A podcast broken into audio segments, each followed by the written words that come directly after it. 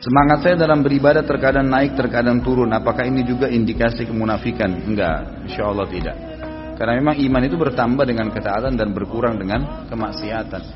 Eh, kata Nabi SAW, siapa yang dalam keadaan drop imannya itu, dia tetap mempertahankan dalam kesolehan, maka dia beruntung. Gitu kan?